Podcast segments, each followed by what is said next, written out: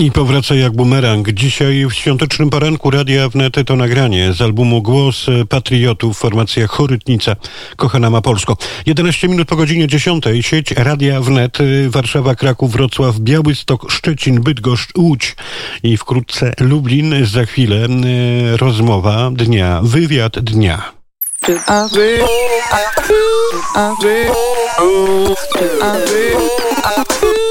Wywiad wnet.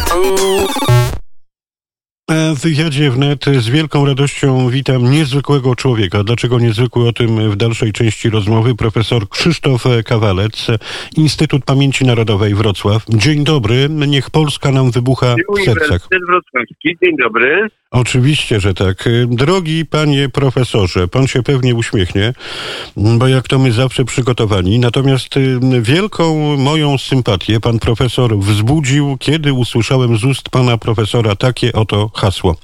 Jeżeli jest coś takiego jak prawa autorskie do pomysłu, Polska, to Dmowski był autorem drugiej Rzeczpospolitej. I proszę się teraz tego tłumaczyć, panie profesorze spróbuję. E, ale wydaje mi się, że mam w ręku dość twarde dowody, bo zanim jeszcze Polska pojawiła się na mapie, a e, mówiąc bardziej precyzyjnie, zanim jej kształt się uformował, to nastąpiło w ciągu tak zwanych polskich wojen i zamknęło się w końcu roku 1921, e, to cztery lata wcześniej E, w lecie 1900, e, wiosną i w lecie 1917 roku kształt państwa o podobnym zarysie granic i podobnie pomyślanego z dostępem do morza politycznie opart, państwa politycznie opartego o państwa zachodnie, dysponującego dostępem do śląskich złóż węgla, no i rządzonego demokratycznie. Pomysł takiego e, państwa pojawił się w dokumentach składanych przez Mowskiego rządowi brytyjskiemu. E, najpierw były to noty dotyczące terytorium, natomiast w lecie 1917 roku e, to był obszerny memoriał przedstawiający wizję powojennego świata. No, ściślej mówiąc Europy Środkowo-Wschodniej z Polską jako jednym z elementów e, powojennego porządku. I tu powiedzieć trzeba, że nie tylko e, kształt e, państwa polskiego zapowiedziany w tym dokumencie przypominał późniejszą drugą Rzeczpospolitą, właściwie był z nią zgodny we wszystkich zasadniczych kwestiach, ale także wizja Europy Środkowo-Wschodniej przypominała to, co nosiło nazwę Ładu Wersalskiego. To się uformowało żywiołowo po I wojnie światowej, ale Dmowski przewidział, że to tak może wyglądać półtora roku wcześniej, e, kiedy wojna się jeszcze toczyła, e, a mapa e, wyglądała polityczna Europy Środkowo-Wschodniej zupełnie inaczej niż później. Także jeżeli traktować to jego dzieło jako ekspertyzę politologiczną, to było, był to akt e, nieprawdopodobnych, znaczy dowód nieprawdopodobnych umiejętności analitycznych. Chciałoby się, żeby dzisiaj takie ekspertyzy powstawały. No właśnie, i o tym będziemy za chwilę mówić. E, pan profesor Krzysztof Kawalec, moim Państwa gościem, wywiad dnia w świątecznym poranku, kiedy Polska wybuchła nam 103 lata temu. Ciągle, panie profesorze, cytuję jednego z moich najukochańszych poetów, Kazimierza Wierzyńskiego, niestety zapomnianego. Natomiast wróćmy właśnie teraz do tego, co nazywa się mm, tym tłem, backgroundem tego, co działo się w owych czasach. Zacytuję Stefana Żeromskiego, któremu marzy wydarzyły się te i śniły na jawie sny o szpadzie. Polska Partia Socjalistyczna, czyli Józef Piłsudski, ale właśnie Narodowa Demokracja, Endecja, to były główne stronnictwa rozwijające dwie koncepcje walki o niepodległość. Nawiązał pan, panie profesorze, do współczesności, że dzisiaj, no chciałoby się cytować e, Otto von Bismarcka, że e, dla Polaków można zrobić nieskończenie wiele, ale z Polakami wespół razem absolutnie nic. Dzisiaj sytuacja sytuacja jest taka, jaka jest. Wszyscy o tym doskonale wiedzą. Jawna nienawiść różnych stronnic politycznych. Natomiast w owym czasie tych szorstkich przyjaźni nie było też tak wiele, natomiast wszyscy od innych stron, bo i Korfanty, i Witos, i Ignacy Paderewski, Roman Dmowski, i marszałek Józef Piłsudski. A jednak, panie profesorze, udało się stworzyć Rzeczpospolitą Polską. Czasami zastanawiam się, czy dzisiaj, w czasie tak zwanej prosperity, gdyby Polska nie istniała przez, nie wiem, nawet 50 lat na mapach świata, czy udałoby się stworzyć w ciągu niespełna 21 lat silne, sprawne państwo, które najdłużej broniło się przed niemiecką trzecią Rzeszą, gdy wybuchła II wojna światowa. No to jest jedno pytań, na które y, historyk y, nigdy nie odpowie, bo dotyczy y, Synoptyki. dotyczy przy, przypuszczeń, nie tego, o czym wiadomo i co da się zweryfikować. Natomiast nawiązując do tej mm, sentencji Bismarcka, to wydaje się, że akurat do końca lat nastych XX wieku, tego decydującego czasu, kiedy Polska pojawiała się na mapie, to się one nie odnoszą. E, bo co prawda e, polityczna scena Polski była bardzo skłócona, e, poziom wzajemnej agresji był duży. Powiedzieć sobie trzeba, że było to właściwie zrozumiałe, bo w tle kończyła się Wielka Wojna, w trakcie której Polacy podzieleni na wiele obozów, e, obecni byli po każdej z tych dwóch e, walczących stron. No i powstawały w związku z tym rozmaite zadrażnienia. Natomiast nie cała klasa polityczna na pewno, ale ci, którzy byli najwięksi, więc y, z całą pewnością i y, Roman Dmowski i Józef Piłsudski mieli świadomość ryzyka, jakie wiąże się z konfliktem wewnętrznym. I ze swojej strony podejmowali tego rodzaju działania, także starali się powstrzymać swoich bardziej krewskich kolegów, na szczęście zdyscyplinowanych, aby nie doprowadzić do sytuacji, w której e, państwa obce e, czasem e, wrogie, czasem zaprzyjaźnione, co jednak nie znaczy, by nie chciały w Polsce czegoś ugrać we własnym zakresie. W każdym razie obaj obawiali się sytuacji, w której państwa obce występować będą w roli arbitrów, wygrywając polskie spory i dowodów takiego no czasem miało to postać roboczej współpracy, czasem sprowadzało się do tego, że po prostu jeżeli jedna strona coś osiągnęła, to druga jej nie dezawuowała, traktując osiągnięcia jako coś, y, od czego należy rozpoczynać własną grę. No tak się działo w czasie wojny y, światowej pierwszej.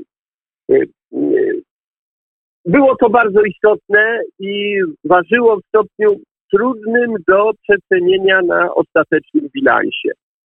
Tu powiem, że no, można porównać to, co się działo w Polsce, na ziemiach polskich, z tym, co działo się w Ukrainie, na Ukrainie, gdzie tamtejsze elity też były podzielone, gdzie się y, o ile przypominam sobie, wytworzyło mniej rywalizujących ośrodków władzy niż w Polsce, bo w Polsce w pewnym momencie to ich było chyba siedem.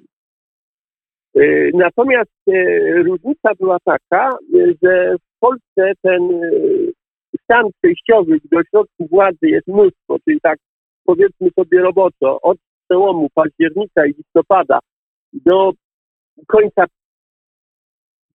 pierwszej dekady, no dwóch y, tygodni pierwszych listopada. W każdym razie w Polsce ten stan się skończył i poszczególne ośrodki błyskawicznie osiągnęły porozumienie, także wytworzył się najpierw jeden, jeden ośrodek władzy na terenie kraju, a następnie w ciągu kolejnych miesięcy uzyskał on y, kompromis y, z ośrodkiem działającym na zachodzie pod przywództwem Dmowskiego. To, że rywalizujące ośrodki dostrzegli potrzebę kompromisu, że go osiągnęły, no i istotne jest jeszcze na jakich podstawach zostało ono osiągnięte, bo dogadano się to, co było przedmiotem sporu i stanowiło obszar kompromisu, dotyczyło rzeczywiście interesu narodowego rozumianego w sposób mm, elementarny. To znaczy Piłsudski zgodził się na przeprowadzenie wolnych wyborów w Polsce, natomiast zgodził się równocześnie, czy przyjął punkt widzenia Komitetu Narodowego, że byłoby dobrze, jeżeli akcja polska polityczna na Zachodzie będzie zachowa ciągłość i personalną, no jeśli idzie o realizowaną linię programową. Mimo, że miał wiele pomysłów, e, powiedzmy sobie, autorskich i własnych co do tego, jak no, polityka zagraniczna Polski ma wyglądać. Dostrzec jednak potrzebę koordynowania wysiłków i co jest charakterystyczne, właściwie nie spierano się, nie spierano się o personalia wówczas, ale po osiągnięciu porozumienia Polska od y, połowy y, stycznia 1919 roku miała już tylko jeden rząd. Całość wysiłków narodowych została skoordynowana w jednym ośrodku dyspozycji. I to, była, y, to było coś, co różniło Polskę na przykład od Ukrainy, a o tym pamiętać trzeba także i z uwagi na to, że potencjalnie możliwości Polski były dużo mniejsze od ukraińskich, bo to jest i mniejsza liczebność, e, mniejszy obszar objęty kwestią polską czy kwestią ukraińską, jeżeli e, porównujemy, e, i mniejsze możliwości związane z dostępem do kluczowych zasobów mineralnych. Wywiad tak, wnet. Wywi udało nam się mhm. osiągnąć sukces w trudnej bardzo sytuacji i takiej, że mieliśmy do czynienia nie z jednym przeciwnikiem o dużej sile i zasobach przekraczających nasze, ale z dwoma takimi przeciwnikami, no bo problem Polski to była nie tylko Rosja, czy państwo, które korzystało z jej zasobów, bo Związek Sowiecki był nowym państwem, ale również problem Niemiec, które były co prawda obezwładnione w wyniku przegranej wojny, ale jasne było, że to obezwładnienie jest stanem przejściowym, Niemcy to szybko przezwyciężą. Wywiad wnet, panie i panowie. Moim państwa gościem profesor Krzysztof Kawalec, Instytut Pamięci Narodowej z Wrocławia. Studio Niepodległość. Ale tutaj, panie profesorze, jeszcze musimy dokonkretnić jedną rzecz. Był taki czas, że marszałkowi Józefowi Piłsudskiemu marzyła się Rzeczpospolita Trojga Narodów. Litwa, e, Korona, dawna Korona Rzeczpospolita i Ukraina. Natomiast Roman Dmowski trochę wybiegał synoptycznie w przyszłość i twierdził, że tak naprawdę trzeba się oprzeć, gdy mowa o silnej polskiej państwowości na żywiole czysto polskim. Przypadek, czy jednak to, że był człowiekiem inteligentnym i oczytanym i miał w sobie ten polityczny zmysł przewidywania tego, co się wydarzy, zaważył na takiej ocenie sytuacji, panie profesorze? Ja myślę, że tutaj e, rzecz jednak polega na tym, że te obie wizje są sobie bardzo często zbyt mechanicznie przeciwstawiane.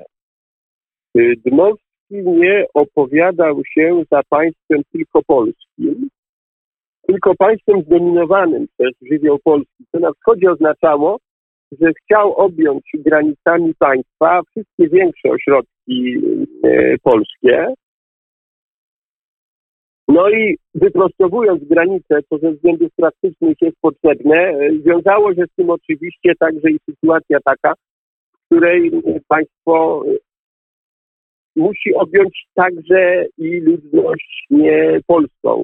Zakładał, że jeśli odsetek mniejszości nie przekroczy 40%, to jeszcze będzie ryzyko ak akceptowalne. Chociaż zasadniczo postrzegał on e, mniejszości jako obciążenie. E, nie brzmi to sympatycznie, ale e, trzeba powiedzieć, e, no bo to jest istotne, że Dmowski liczył się zakładał, że państwo polskie będzie mieć demokratyczne struktury ustrojowe oparte na wyborach powszechnych. I chodziło po prostu o to, aby ludność, która stanowić będzie stabilne oparcie dla tego państwa, stanowiła większość. Jeśli idzie o Piłsudskiego, y, to tu jest istotnych kilka zastrzeżeń. Najważniejsze jest takie, że my tak naprawdę nie wiemy, jaka była jego wizja. Były wyobrażenia różnych jego współpracowników, których Piłsudski nie dezawuował, ale i nie potwierdzał. Działał, ale nie informował y, o tym, co robi i dlaczego czyni tak, a nie inaczej. Skądinąd wiadomo, z instrukcji, jakie otrzymał aparat MSZ-u y, jesienią, późną 1900 2018 roku pisał o tym Andrzej Nowak, że proponowano na wschodzie linię, e, polity, linię Komitetu Narodowego Polskiego, e, zbudowaną wedle takiej filozofii, jak mówiłem przed chwilą, tej, to była autorska propozycja Dmowskiego. Piłsudski właściwie zaakceptował, tylko powiedział, że jest to program minimum, a on chce sięgać dalej. Plany Piłsudskiego obejmowały obszar Rzeczpospolitej przedrozbiorowej w granicach 1772 roku i szukał formuły, y, która pozwoliłaby to zrealizować, czy pozwoliłaby Polsce i próba przeprowadzenia takiej polityki została podjęta pomiędzy rokiem, w ciągu roku 1919 i realizowana była jeszcze wiosną 1920. Szukał formuły, która umożliwiłaby aktywne działania na obszarze stanowiącym historycznie kwestię polską. Piłsudski, podobnie jak Dmowski, miał świadomość, że od XVIII wieku upłynęło wiele czasu i ten obszar e, w większości jest zdominowany przez inne narodowości niż e, Polska. I coś z tym trzeba zrobić. Dmowski proponował rozwiązanie chirurgiczne, to znaczy rezygnację z e, większej części tego obszaru, e, z założeniem, że uda się zasymilować tę ludność, którą, stanowi, którą postrzegał jako obciążenie. Piłsudski myślał o jakiejś formie kompromisu z elitami reprezentującymi narodowości, zajmujące obszar historycznie należący do dawnej Polski. Natomiast problem Piłsudskiego i problem polskiej polityki y, w czasie polskich wojen był taki, że wszystkie te ruchy narodowe, y, określając swoją tożsamość, y, odnosiły się niechętnie do dziedzictwa dawnej Polski, bo definiowały się po prostu przez odrębność, przez zaznaczanie odrębności wobec tej wspólnej e, tradycji. I do tego dochodziły różnego rodzaju incydenty i zadrażnienia, plus poczucie zagrożenia ze strony polskiej ludności kresowej. Dmowski brał to pod uwagę. Piłsudski e, liczył, że się to jakoś w przyszłości e, wyrówna i złagodzi. Y, natomiast dokładnie nie, nie wiemy, jak on to sobie wyobrażał. Te mapki, które się pojawiają w różnych y, filmach okolicznościowych, gdzie się na przykład przedstawia Polskę y, z granicą ryską na wschodzie, a na wschód od tej granicy niepodległą Ukrainę, Białoruś, no i Litwę oczywiście, no, można było przedstawić historyczny zarys granicy. Chodzi jednak Ukrainę i przede wszystkim Białoruś. To są twory e, wirtualne e, i to takie, które są produktem e, fantazji twórców e, takich e, filmów. E, natomiast one nie mają swojego potwierdzenia źródłowego i chociaż przypisywane Piłsudskiemu, są one zupełnie wirtualne. Piłsudski chciał rzeczywiście, widział potrzebę rozmowy z przedstawicielami elit y, litewskimi, y, ukraińskimi, z białoruskimi był problem, bo te elity były bardzo słabiutkie. Widział taką potrzebę, próbował, nigdzie nie osiągnął sukcesu.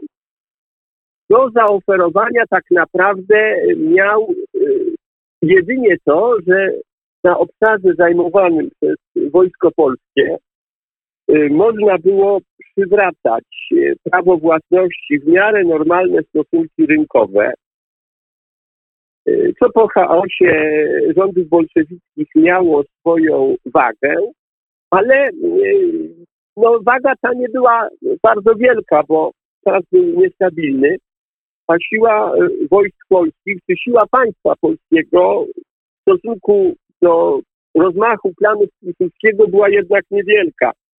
Y, Polska wytworzyła dosyć znaczne siły zbrojne, ale nie miały one poparcia we własnym potencjale zbroj, zbrojeniowym, militarnym. Polska nie miała przemysłu zbrojeniowego i każdy karabin, który, ka, każdy pocisk, który został wystrzelony z karabinu polskiego żołnierza musiał być sprowadzony z zagranicy. Także te ambitne plany były bardzo na wyrok czego Piłsudski zdawał sobie jakoś sprawę, natomiast było to również widoczne na zewnątrz. Świadectwa pamiętnikarzy mówią o spekulacji na y, tyłach wojsk polskich w obszarze okupowanym, poczuciu tymczasowości. Także oczywiście y, przy bardziej pomyślnym przebiegu operacji militarnych to jednak było trudne do pomyślenia, zważywszy niewielki potencjał y, militarny Polski. Można byłoby sądzić, że ten stan się jakoś ustabilizuje i to może by w dłuższej perspektywie stworzyło szansę realizacji także y, programów znalezienia modus vivendi z, y, z elitami mniejszościowymi, czy większościowymi, bo Piłsudski zapowiadał, że będą one rządzić swoimi krajami ale no też zapowiadał, natomiast chciał mieć, jak mawiał, rewolwer w kieszeni, to znaczy kontrolę nad tym, co się dzieje. Na Litwie, kiedy nie mógł osiągnąć porozumienia, próbował, jego ludzie próbowali dokonać zamachu stanu, no po tym chyba porozumienia zrobiła się jeszcze trudniejsza. Z Petlurą, jak wiadomo, przywódcą ukraińskim, dogadał się bezpośrednio przed wyprawą kijowską, y, no, dogadał się. To znaczy y, Petlura był w sytuacji militarnej tak rozpaczliwej, że przyjąłby każdy warunek, ale Piłsudski na wszelki wypadek i tak mu do rządu wsadził kilku swoich przedstawicieli. Y, to, to było oczywiście dostrzegane w obozie ukraińskim, rodząc tam wątpliwości co do tego, czy Petlura jest Y, samodzielny, czy też jest y, polskim narzędziem. I te okoliczności zmniejszały, patrząc od strony potencjalnych partnerów y, Piłsudskiego, atrakcyjność propozycji, którą zgłaszał. Tak czy owak brał pod uwagę coś, co uważał za polski interes narodowy i polską rację stanu. Nie ma wątpliwości co do tego i był to mm czynnik w kalkulacjach e, Piłsudskiego. Natomiast jeżeli idzie o realność e, tych planów, e, to, no to przebieg wydarzeń ich nie potwierdził. Polska się z trudem obroniła podczas próby sił ogniowej w 1920 roku, natomiast musiała zrezygnować z zamysłów uporządkowania wschodniej Europy zgodnie e, ze swoimi e, potrzebami, e, tak jak je sobie wówczas wyobrażała. No i stanęło na tym, że ostatecznie wywalczona granica wschodnia bardzo, bardzo przypominała tę granicę Komitetu Narodowego Polskiego, postulowaną w roku 1917 przez Dmowskiego, z niewielkimi mm, przesunięciami granic na niekorzyść państwa polskiego na zachód. 50 100 kilometrów średnio. Ale filozofia państwa, które się uformowało, takie ogólne założenia były takie same. Demokratyczny ustrój, przewaga ludności polskiej, dostęp do morza, strategiczne, poszukiwanie strategicznych partnerów na Zachodzie. to, to, na, na tym jak gdyby stanęło. I taki wykład, y, panie i panowie, prawie monograficzny tylko na antenie Radia Wnet w niespełna 20 minut y, profesor Krzysztof Kawalec y, z IPN-u wrocławskiego opowiedział i wiemy znacznie więcej. My, panie profesorze, też przypominamy o tym, że tak naprawdę to nie tylko Józef Piłsudski czy Roman Dmowski, ale również Ignacy Jan Paderewski, Wincenty Witos, Wojciech Korfanty i Ignacy Daszyński. I to również i Powstanie Wielkopolskie i trzy powstania śląskie, a nie tylko wojna z bolszewikami. Piękny, wspaniały wykład, panie profesorze, za który bardzo dziękuję. Natomiast na koniec jeszcze taka jedna glossa a propos Dnia Niepodległości i tego, że Polacy zawsze za mm, wolność waszą i naszą. Pana komentarz do tego, że Instytut Yad Vashem odmówił przyznania medalu Sprawiedliwy wśród Narodów Świata naszemu dyplomacie z, z czasów międzywojnia i II wojny światowej Aleksandrowi Ładosiowi. Pana ocena, dlaczego tak się wydarzyło? Szczerze mówiąc, pojęcia nie mam. Y, dowiedziałem się o tym y, z mediów. Y, uzasadnienia nie znam, pewnie jakieś jest. Natomiast mam podejrzenia, że biorąc pod uwagę, że relacje się w ostatnim czasie cośkolwiek skomplikowały na szczeblu międzypaństwowym, no to rzutuje to także i na ocenę postaw i wydarzeń należących do dalekiej przeszłości. No tak to wygląda, bo mm. czas akurat jest, jest taki. Może się mylę, a może nie. Profesor Krzysztof Kawalec, dziękuję pięknie. Jeszcze jedno pytanie, takie dodatkowe. Czy pan profesor lubi Kazika Staszewskiego i grupę Kult?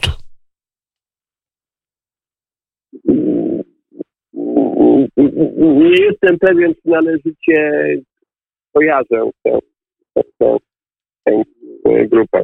Myślę, że tak. Myślę, że myślę, że na pewno, panie profesorze, bo teraz na antenie Radia Wnet w świątecznym poranku niepodległościowym Polska nam wybuchła 103 lata temu e, akustycznie. Kazik Staszewski, Grupa Kult i Mieszkam w Polsce.